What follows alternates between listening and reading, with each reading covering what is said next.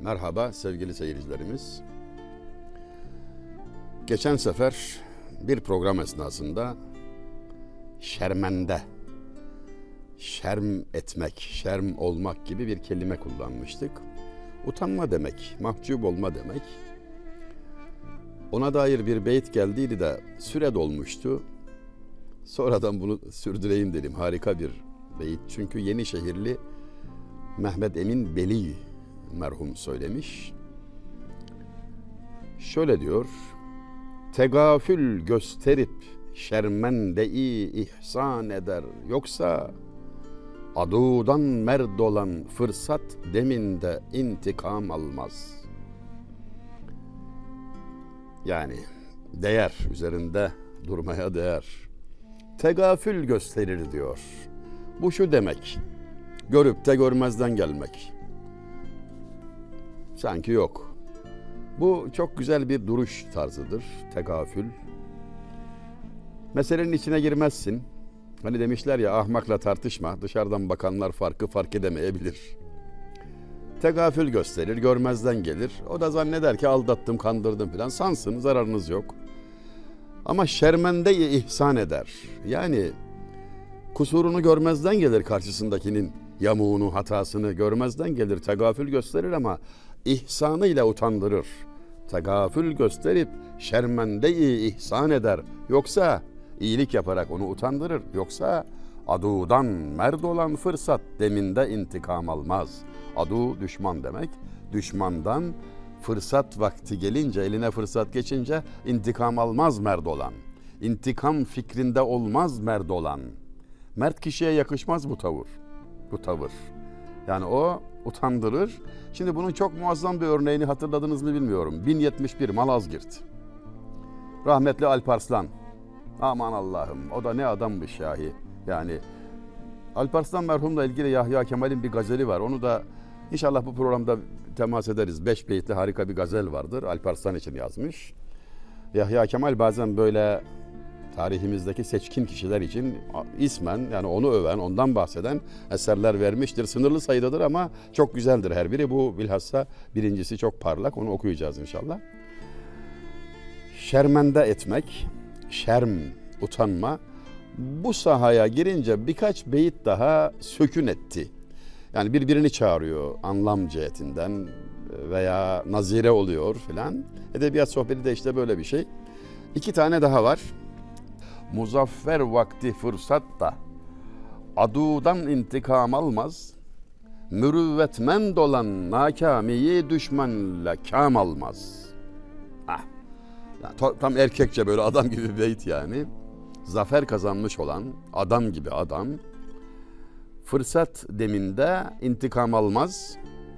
Eline fırsat geçtiği zaman intikama yönelmez. Kerem gösterir mürüvvetmen dolan, mürüvvet, mertten geliyor bu kelime. Yani mertlik sıfatına sahip olan, mürüvvetmen dolan, nakamiyi düşmanla kam almaz. Düşmanın çökmesiyle mutlu olmaz. Rakibinin mutsuzluğuyla mutlu olmaz. Bu ne yüce bir yaklaşımdır, ne yüce bir bakış açısıdır. Bana demişlerdi ki bir zaman, yani çok gençtik, 20 yaşın altında, istikamet aldığımız efendim şaşkın ördek gibi İstanbul'da dolaştığımız günlerde elimizden tutan güzel insanlara rastladım. Bunu anlatmışımdır çeşitli vesilelerle. Ahlaka dair ne güzel şeyler işitir, duyardık. Mesela biri bana şöyle söylemişti bir ağabeyim. Üzerine basanın ayağını incitmeyen halı gibi yumuşak ol. Yahu bu ne demek Allah aşkına? Mesela şöyle demiyor. Kimsenin üstüne basma, kimseyi incitme demiyor, onu geçtik. Birisi senin üzerine basarsa şikayet etme sabırlı ol demiyor onu da geçtik. Daha yukarıdan bir şey söylüyor. Basanın ayağını incitme diyor. La havle ve la kuvvete illa billah. Toprak gibi ol yani. Sen basıyorsun toprağa şikayet ediyor mu? Aşık Veysel'in dediği gibi yüzün yırttım dırmığınan belinen yine beni karşıladı gülünen. Sen ona tırmıkla, bel ile, kazmayla yüzünü yırtıyorsun, zararlar veriyorsun, eşeliyorsun, oyuyorsun falan. Ama o sana gül veriyor. O seni hep sabırla karşılıyor. Toprak gibi ol demenin çok güzel bir ifade biçimi bu. Üzerine basan, basanın ayağını incitmeyen halı gibi yumuşak ol. Alparslan merhumdan örnek verecektim şu beyti açıklarken e, atladım döneyim şimdi. Roman Diyojen ile harbetti biliyorsunuz Malazgirt. Ee, dört kat kuvvetli ordu. Yani şeklen baktığınız zaman 50 bine karşılık 200 bin kişilik ordu. Sebepler aleminde matematik karşısında yani durum çok kötü, vahim. Hatta bir komutanı demişti Alparslan merhuma. Sultanım yaklaşıyor Roman Diyojen ordusu. Biraz endişeyle söylüyor bunu. Tedbir alsın diye söylüyor. Vazifesini yapıyor yani. Ama Alparslan merhum hiç istifini bozmadan, asla telaşa düşmeden "E, biz de onlara yaklaşıyoruz demişti. Ve muazzam bir zafer elde edildi. O şiiri okuyacağım demiştim Alparslan'dan, Yahya Kemal'den okuyacağım. Harbin sonunda esir aldı Roman Diyojen'i ve ona sordu. Sen beni esir alsan ne yapardın? Roman Diyojen de dedi ki parçalara bölerdim. Bölmeden önce kafes içinde bir yabani hayvan gibi şehir şehir dolaştırır seni rezil ederdim. Sonra parçalara böler memleketin dört bir tarafına asardım.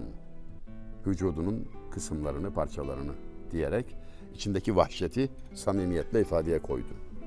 Alparslan merhum, şimdi benim sana ne yapacağımı düşünüyorsun. Tahminin ne?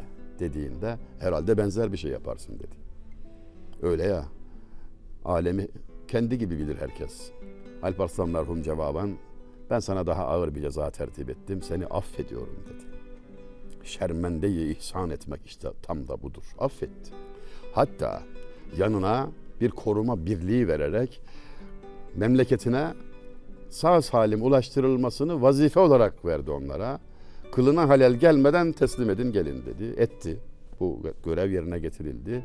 Fakat teslim alanlar mensup olduğu devletin ilgilileri, yetkilileri, ahali onu kendi düşündüğü gibi yaptılar. Paramparça ettiler. Tegafül gösterip şermendeyi ihsan eder yoksa adudan merd olan fırsat deminde intikam almaz. İşte böyle mürüvvetmend olunca, böyle adam olunca, mert olunca yüzyıllar geçiyor ve isminiz hayırla anılıyor. Şair tam da bunu söylüyor. Mürüvvetmend olan nakamiyi düşman lekam almaz. Düşmanın mağlubiyetiyle mutlu olmaz. Benzer bir beyt aynı şairden daha doğrusu iki beyt yani birbirini tamamladığı için yan yana getirilmiş. Azadeganı kaydı emel serfiraz olur. Azadeganı kaydı emel serfiraz olur. Naz eylesin sipihre o kim bi niyaz olur. Naz eylesin sipihre o kim bi niyaz olur. Yeksan bilen baharu hazanın bu gülşenin manendi serv kameti ömrü dıraz olur. Yani bu kadar ağır mısraları niye söylüyorsun demeyin bana lütfen Allah aşkına. Yani harici alem sözleri her yerde her zaman duyuyorsunuz. Yani şimdi size şurada en yukarıdan en esaslı ustalarımızdan örnekler veriyorum. Biraz zihin yorduğumuza değer. İşte geldik gidiyoruz yani. Bu da aklımızın gıdası neşemiz olsun. Bakın okuyorum iki beyti ve izaha çalışıyorum. Azadeganı kaydı emel, serfiraz olur. Emel kaydından azade olan, yani arzularını terk eden serfiraz olur, baş tacı olur. Hürriyeti kazanmanın yegane şartı emelden vazgeçmektir. Lezzeti azadegi bi arzuluklardadır demişti Nabi merhum. Aynı anlamda. Necip Fazıl merhumun hocasının hocası Seyyid Fehim Arvasi Hazretlerinin bir kelamını şuracıkta nakledeyim. Buyurmuş ki Hazret, malum Necip Fazıl'ın hocası Abdülhakim Arvasi, onun hocası akrabası aynı zamanda Seyyid Fehim Arvasi, kabri Van'dadır. Arvas köyündedir. Ziyaret nasip olmuştur bir defacık da olsa e, kardeşinize. O Hazret yani bugün bile o ismi heybetle koymayan, koyamayan olur evladına. E, Yani saygıdan dolayı çok enteresan, çok sevilen bir zat-ı şeriftir. Kelamı şu. Diyor ki bu bana lazım değil diyen rahat eder. Hadi gelin bunu yazalım bir yere. Özellikle kalbimize yazalım. Aklımıza yazalım. Şunu unutmayalım. Bu bana lazım değil diyen rahat eder. Lazım derse ne olur? Vallahi öyle bir kapı açılır ki rakiplerin olur, düşmanların olur, hırsların olur. Yani hayatın zehir olur yani açıkça söyleyeyim. Hayatın zehir olur, acı çekersin. E istemeyelim mi? Vallahi lüzumundan fazlasını isteme mümkünse. Rahat edersin. Azadegânı kaydı emel serfiraz olur. Emel kaydından azade olan. Burada belki şunu da belirtmek, altını çizmek iyi olur. Nefsinin ihtiyaçlarını ver, arzularını verme. Sınır bu. Yani üşüdüğün zaman ısınma ihtiyacın var tabii. Acıktığın zaman ekmek yemek istersin, çorba içmek istersin. Tamam. Bunlar ihtiyaçlardır. Ama istekler başka. Bitmez tükenmez nefsin istekleri. İstek ile ihtiyacı birbirine karıştırdığımız zaman da zamane çocuğu oluyoruz. Hangi iktisat kitabını açsan, iktisat ilmi sınırsız ihtiyaçları sınırlı kaynaklarla karşılama ilmidir falan diye bir şey duyarsınız. Hiç değişmez o. E, düşünmeden kabul ettiğimiz için de aslında yaralanırız. Ya bir düşünelim. İhtiyaçlarımız sınırsızmış öyle diyor güya. Doğru mu? Hayır efendim. İhtiyaçlarımız sınırsız değil. Ömrümüz sınırlı, ihtiyaçlarımız nasıl sınırsız olur?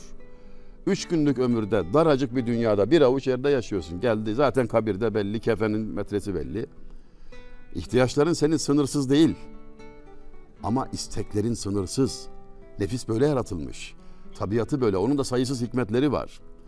Ve sana düşen vazife sınırı gayet güzel görüp mayın tarlasına girmeden nefsinin ihtiyaçlarını ver ama isteklerini verme. Tam da bunu söylüyor şairimiz. Devam ediyorum. Azadeganı kaydı emel serfiraz olur. Naz eylesin sipihre kim o bir niyaz olur. İsteğinden vazgeçen artık feleğe naz etsin. Hakkıdır yani.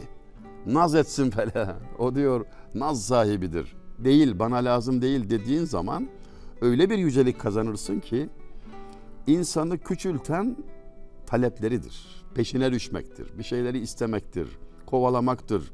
Eskiler makamı hiç istemezlerdi, korkarlardı. Verilirse mecburen görev olarak alırlar, yaparlardı ama talip olmazlardı.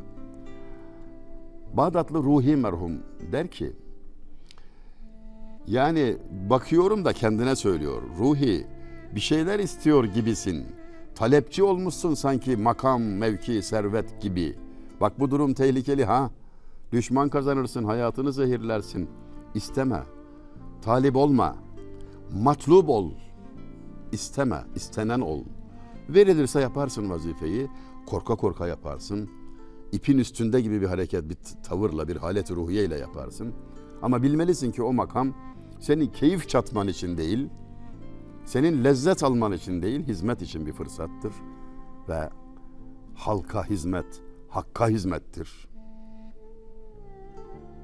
Diyor. Şimdi ikinci mısrayı okuyacağım. Bunu tamamlayan mısra çok enteresan bir mana göstermiş orada da. Yeksan bilen baharu hazanın bu gülşenin manende serv kametü ömrü dıraz olur. Manende serv kametü ömrü dıraz olur. Eğer sen baharını ve hazanını, ilkbaharını ve sonbaharını aynı görürsen şu alemin, gülşen demiş o, dünyayı kastediyor. İlkbaharı ve sonbaharı aynı görürsen, buna muvaffak olabilirsen, servi gibi olursun, ömrün ve boyun uzun olur.'' Yani gam, gam çekmezsin, sıhhatli olursun, aklın başında olur. Servi ağaçlarına dikkat ettiniz mi? Dört mevsimde aynı haldedir. Neden? Baharı, hazanı birbirinden ayırt etmiyor da ondan. Bahar geldi diye şımarıp efendim yoldan çıkmıyor. Güz geldi diye kahredip sararıp yapraklarını bırakmıyor. Sen de diyor yeksan bilen baharu hazanın bu gülşenin manendi serv kâmetü ömrü dıraz olur.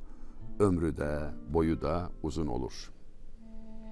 Naz eylesin sipihrekim o kim bi naz eylesin sipihre, o kim bi niyaz olur. İsteğinden vazgeçen, isteklerini arka plana iten, niyazdan kurtulan artık feleğe naz edebilir. Arifi ahval olan bir halete dil bağlamaz. İnkılab eyler zaman ikbal olur, idbar olur. Arifi ahval olan, yani Arif nedir biliriz değil mi? Arife tarif gerekmez. İşin sırrına vakıf olan demektir. Uyanık demektir. Kalbi uyanık demektir. Agah. Arifi ahval olan. Neye arif? Ahvale. Hallere. Arif ise kişi arifi ahval olan her halete dil bağlamaz. Her duruma gönül bağlamaz. Kaybettim diye üzülmez mesela kazandım diye sevinmez. Çünkü şunu bilir. İnkılab eyler zaman ikbal olur, idbar olur. Zaman dönüşür. Baharı var, güzü var. Yazı var, kışı var. Ziya Paşa'mız demişti ki Müncer olur umur alem elbet bir nihayete. Sayfın şitaya meyli baharın hazanedir. İşler döner, Alemin işleri, umuru alem o demek. Alemin işleri. Geldiler gittiler yani. Benim aile büyüklerim dünyanın şugulu derdi. Dünya meşguliyetleri yani. Gider, gelir, yukarı çıkar, aşağı iner, ileri gider, geri gelir. Hiçbirisi kalıcı değil yani. O yüzden gönül bağlamaya değmez. İnkılab eyler zaman ikbal olur, idbar olur. Güne gelir yukarı çıkarsın, güne gelir aşağı inersin. Bizim oralarda Denizli Çameli kastediyorum. Şimdilerde pek uygulanmıyor ama eskiden her vesileyle güreş yapılırdı. Yağlı güreş pek olmazdı ama kara kucak dediğimiz güreş olurdu çayırda. Efendim Mert Meydanı efendim delikanlıların meydanı gücü olan malum çok sevimli bir spordur. Vurma yoktur güreşte. Oyunla efendim zeka ile hasmını mağlup etme fakat mağlup ettiğin rakibinin elinden tutar kaldırırsın yani. Öyle de bir ahlakı vardır işin. Ezip geçmek değil yani. Maksat ezmek, üzmek, yormak değil. Spordur, oyundur. Helaldir, güzeldir. Hatta sünnettir. Güreş sporu. Ama sonunda büyüklenmek olmaz. Pehlivanlığın sonu cazgırlık derler. Pehlivanlar genellikle artık güreşemez olunca yaş kemale gelir 40-50 olur yaş güreşemezler. Cazgır olurlar. Cazgır e, ortalığı heyecanlandıran böyle propaganda yapan seyredenlere ve pehlivanlara heyecan veren konuşmalar yapan adam demektir. Mısralar söylerdi. Bazı güzel kafiyeli sözler söylerdi. O da bir adet bir güzellikti. Alta düşersen yerinme, üste çıkarsan sevinme der mesela. Alta düşsen apış, üste çıkarsan sıkı yapış falan herkese Yenildin diye kahretme diyor yani. Her elin üstünde bir güçlü el var yani. Her akıllıdan daha akıllısı var. Olur ki mağlup olabilirsin ama yeter ki delikanlıca, mertçe, kurallarına uyarak, hile yapmadan adam gibi mücadeleni yürüt. Kazanırsan ne hala, kaybedersen ne hala. Yeter ki sen yiğitlikten ayrılma. Hileye başvurma, ayıp yapma yani. Mağlup olmanın da şerefi var. Galiptir bu yolda mağlup derler ya. Şimdi bir oyunda bile hayat prensipleri gayet güzel, latif bir biçimde insanlara hatırlatılıyor. Yukarıdaki mürüvvetmen dolan nakamiyi düşmanla kam olmaz mısrağını okuyunca hatırıma Fenni merhumdan yine bir kıta geldi. Meserret bahş olur gerçeği adüvden ahzi sar etmek fakat icap eder birçok mezahim ihtiyar etmek, benim re'yimce hatta nabecadır inkisar etmek, fazilettir onu afvu keremle şermsar etmek, cinayettir dili ebnayı cinsi dağdar etmek. Sakın bir dideyi ağlatma handan olmak istersen, dokunma hatırı mura Süleyman olmak istersen. Evet diyor hasmını yenmek diyor insana iyi gelir şöyle bir oh nasıl da yendim dersin belki ama diyor bu nefsanidir. Bununla övülmek iş değil. Ben sana onun bir üstünü söyleyeyim diyor. Çektiğin ızdırabı bile belli etmeden yani kan kusarsan sor, soranlara kızılcık şerbeti içtim diyerek yaşamaktır. Delikanlılık, adamlık. Kimseyi ezip üzme, kimseyi yorma. Yani kazanan sen olursun. Hatta sonunda da şöyle bağlıyor. Karıncanın hatırını sormayı unutandan Süleyman olmaz. Benden sana söylemesi. İnsanları üzerek bahtiyar olamazsın diyor falan. Sona doğru yaklaşıyoruz. Yahya Kemal'den Alparslan merhumla ilgili şiir okuyacağımı söylemiştim. Sözümüzü yerine getirelim. Beş beyittir tamamı bakalım izahına da zaman yetecek mi? Şöyle söyler. İklimi Rum'u tuttu Cihangir savleti. Tarih o işte gördü nedir şiir savleti. Titretti arşu ferşi Malazgirt önündeki. Cuşu huruşu rahşile şemşir savleti. On yılda vardı sahili Konstantiniye'ye. Yer yer vatan diyarını tezhir savleti. Ey şanlı ceddi ekberimiz abıtığının bir haddimiş güneş gibi tenvir savleti tasvir eder mi böyle şehin şahı ey kemal şimşekten olsa şiirde tabir savleti sırasıyla Rum iklimini Anadolu demektir Rum iklimini sarstı Cihangir'in savleti Alparslan merhuma Cihangir diyor El hak yani bir insana sıfat bu kadar yakışır Cihangir tabii onun o hamlesi Malazgirt Harbi kastediliyor. Tarihi bile düşündürdü diyor. Yani tarihi burada teşhise bir insan şeklinde düşünerek ak saçlı sakallı tarih kenardan baktı. Tarih o işte gördü nedir şiir savleti. Arslanın hücumu nasıl olurmuş tarihte orada gördü diyor. Benzeri tarihte yok demeye getiriyor yani. Sonraki beytte muhteşem bir sanat. Ş harflerinin çokluğuyla aliterasyon dediğimiz şeyi gösteriyor titretti arşu ferşi Malazgirt önündeki cuşu huruşu rahşile şemşir savleti. Hakikaten şakır şakır harbin sesini veriyor. Arşı ferşi titretti atların e, nal sesleri, mızrak sesleri, şemşir savleti. Yani yer yerinden oynadı ve o anın resmini adeta kelimelerle çizen bir adam. Şiir öyle bir şey işte ustaların elinde. Baki merhum demişti ki Sinan'ı taşta taşla çalışırken gördüm. Yani Süleymaniye'yi yapıyordu. Onun taşta yaptığını ben kelimede yaptım demişti. Benzer bir durum. On yılda vardı sahili Konstantiniye'ye. Yer yer vatan diyarını tezhir savleti. Nihayet Malazgirt'ten 10 sene sonra Türk atlarının sesleri İstanbul surlarının dibindeydi. Bu kadar kısa sürede böyle bir muvaffakiyet hakikaten imrenilecek bir şey. Ey şanlı ceddi ekberimiz Abıtığının bir haddimiş güneş gibi tenvir savleti. Elindeki kılıç diyor adeta kalem gibi diyor. Medeniyet yazdı diyor. Güneş gibi parladı diyor. Bütün Rum diyarını aydınlatan ne muazzam bir kılıç o. Yani sen onu kalem gibi kullandın. Yani bu çok enteresan bir durumdur. Kalem ile kılıcın aynı gayeye hizmet ettiğini şairlerimiz Abdülhakamit Tarhan da Fatih için yazdığı şiirde benzer bir ifade kullanmıştır ve çok isabetlidir. Kalem de kılıç da aynı işe yarıyor yani. Gaye tek çünkü. Gaye tek.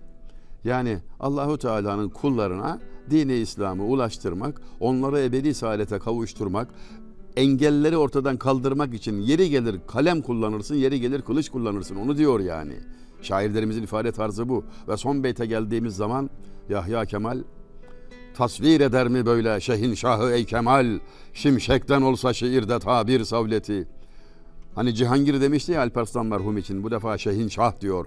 Şahlar şahı çok güzel bir ifade. Böyle bir şahlar şahını diyor anlatmaya ancak benim gibi bir şair muvaffak olabilirdi ama görüyorsunuz ki ben de aciz kaldım. Ben de anlatamadım diyor. Tasvir eder mi böyle şehin şahı ey kemal? Şimşekten olsa şiirde tabir savleti. Şimşek gibi anlatım gücü olsa, kelimeleri öyle kullanabilen bir usta olsa ki o benim demektir o gizlice kibarca. Ben de aciz kaldım. Allah gani gani rahmet etsin. Alparslan merhum için bunları kaleme almış Üstad Yahya Kemal Beyatlı. Dinlediğiniz, alaka gösterdiğiniz için teşekkür ediyorum sevgili izleyenler. Görüyorsunuz ki neyi anlatsalar, bizimkiler var ya neyi anlatsa, ölümü anlatırlar insanın ölesi gelir yani o kadar. Ölümü anlatırken şairlerimiz coşarsın yani. Dünyada Yani biraz fazla kaldık, lüzumsuz kaldık gibi filan yani. Hele Yahya Kemal ölümü anlatırken heyecan duymamak mümkün değil. Yeri gelecek ondan da bahsedeceğiz. Allah'a ısmarladık. Daha fazla video izlemek için kanalımıza abone olabilir, ilk izleyen olmak isterseniz bildirimleri açabilirsiniz.